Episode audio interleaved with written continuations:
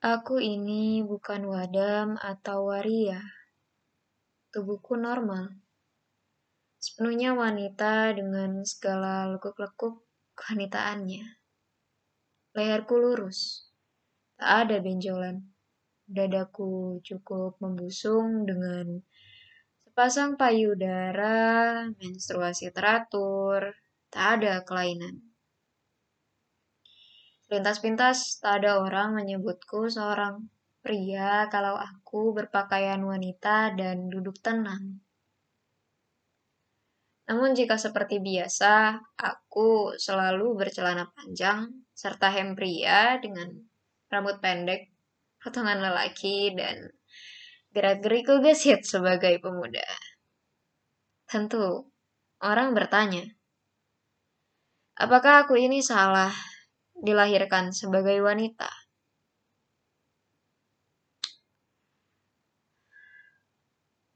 Orang tak tahu betapa kekacauan kadang-kadang meronta-ronta membelah kesadaran.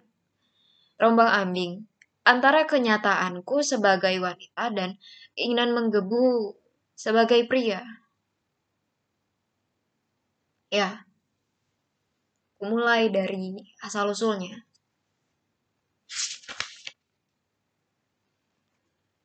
Ayah menambahkan anak lelaki setelah berturut-turut ketiga kakakku semua perempuan. Ayah seorang jago berburu di tepi Danau Toba. Betapa ia ingin mempunyai anak lelaki yang bisa diajak memasuki hutan dan berkelana ke mana-mana. Alangkah kecewa hatinya ketika bayi keempat pun perempuan. Namun, ayah bersikeras untuk mendidikku sebagai lelaki untuk mengobati kekecewaannya. Inang lantas memberikan baju-baju anak lelaki, celana, dan kaos untuk bermain. Bukan rok-rok sutra Brenda. Pada usia enam tahun, aku sudah terampil naik pohon-pohon di sekitar rumah. Ayah sangat sayang padaku dan memanjakanku lebih dari kakak-kakakku. Untung di sekolah dasar, aku mudah belajar. Angka-angkaku baik, meskipun sering aku mendapat teguran dari guru karena berkelahi dengan anak lelaki yang lebih besar. Demikianlah aku tumbuh semakin besar dan memasuki sekolah menengah. Hanya kalau terpaksa saja aku pakai rok-rok seragam.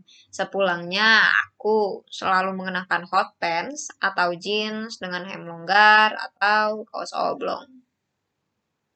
Rambutku kupotong pendek model Jurgen Skop dan aku dikenal sebagai si Ita yang sportif seperti anak lelaki.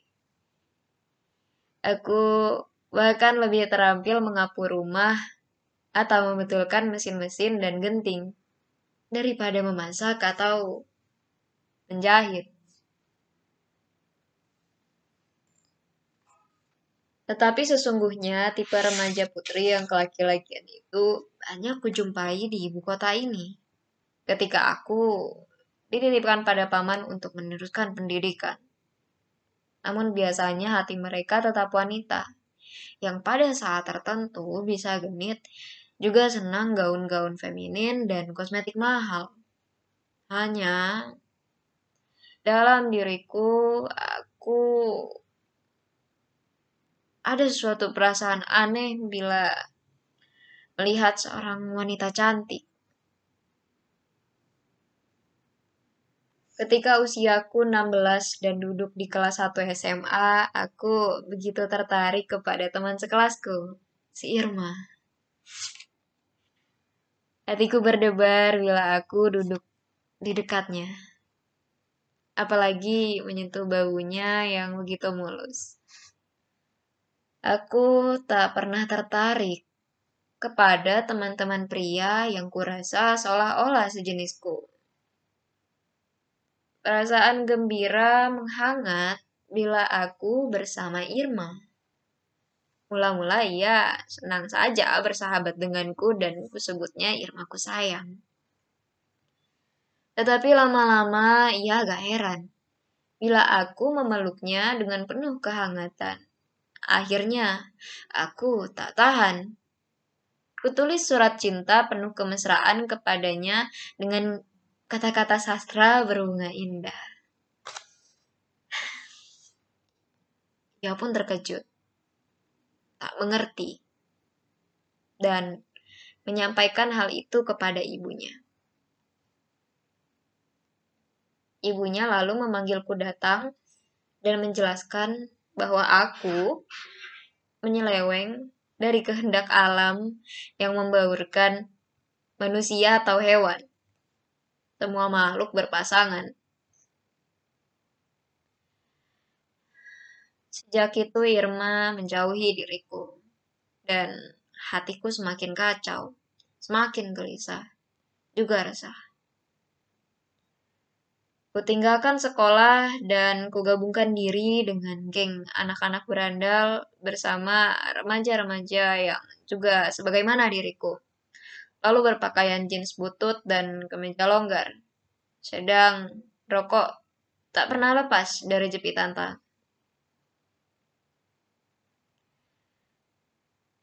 Mereka menerimaku dengan senang hati. Seorang gadis manis bersikap kelaki-lakian yang suka mentraktir bir bila mendapat wesel dari orang tua.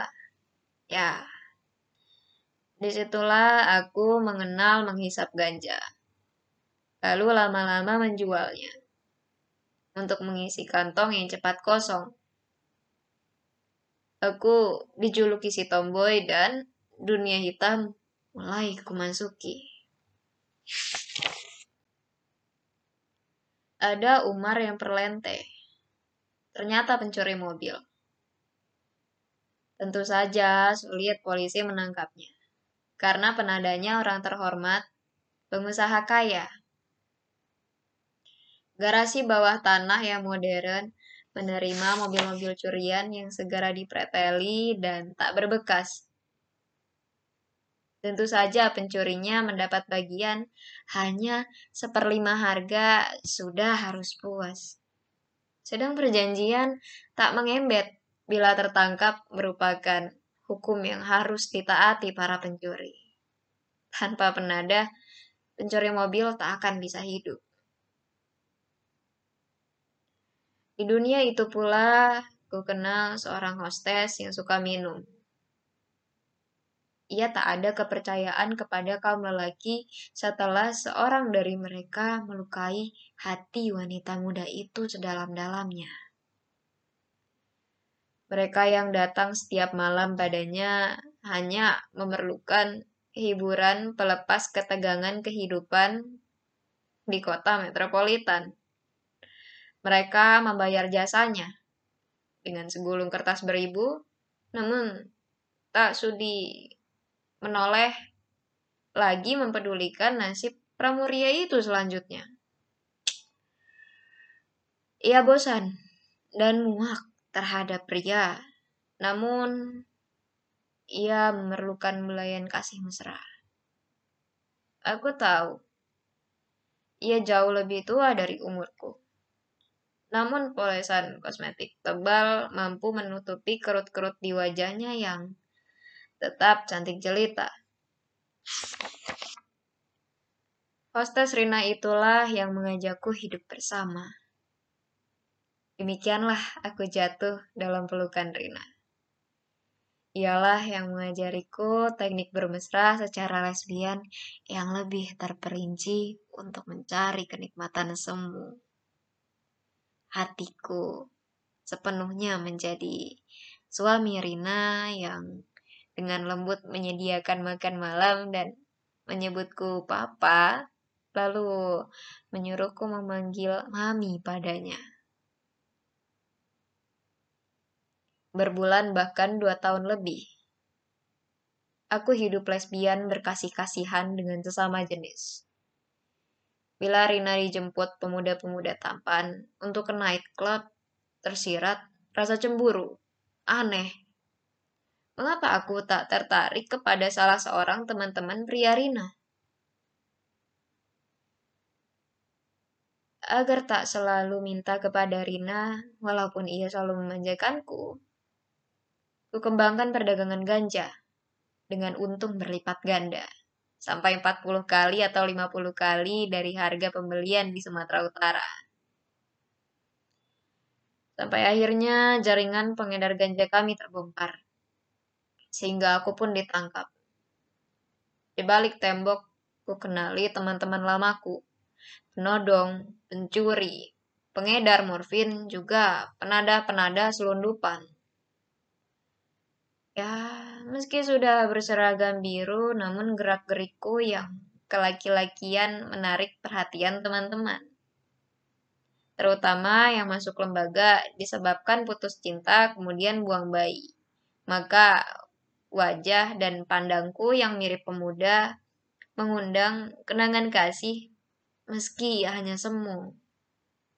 Aku mulai dimanjakan oleh wanita-wanita cantik juga di balik tembok ini. Mereka mengharapkan imbalan, belayan, sayang seperti juga Rina, si hostess yang malang. Kuteruskan hidupku, bercinta dengan wanita, karena aku tak bisa meninggalkannya. Seperti juga sulit Kutinggalkan merokok berantai kalau ada persediaan. Gara-gara bermain lesbian itu, pernah dua teman yang saling cemburu memperebutkan diriku. Berhantam saling cakar-mencakar, sehingga akhirnya kami bertiga di sel sebagai hukumannya. Apakah hidupku akan terus begini? Aku tak berani kembali kepada ayah dan keluarga.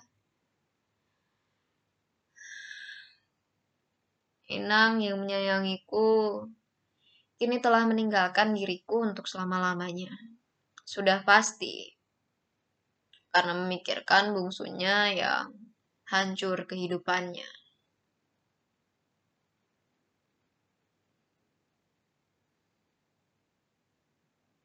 Jurnalisme sastrawi Hatiku seorang lelaki, Sujina.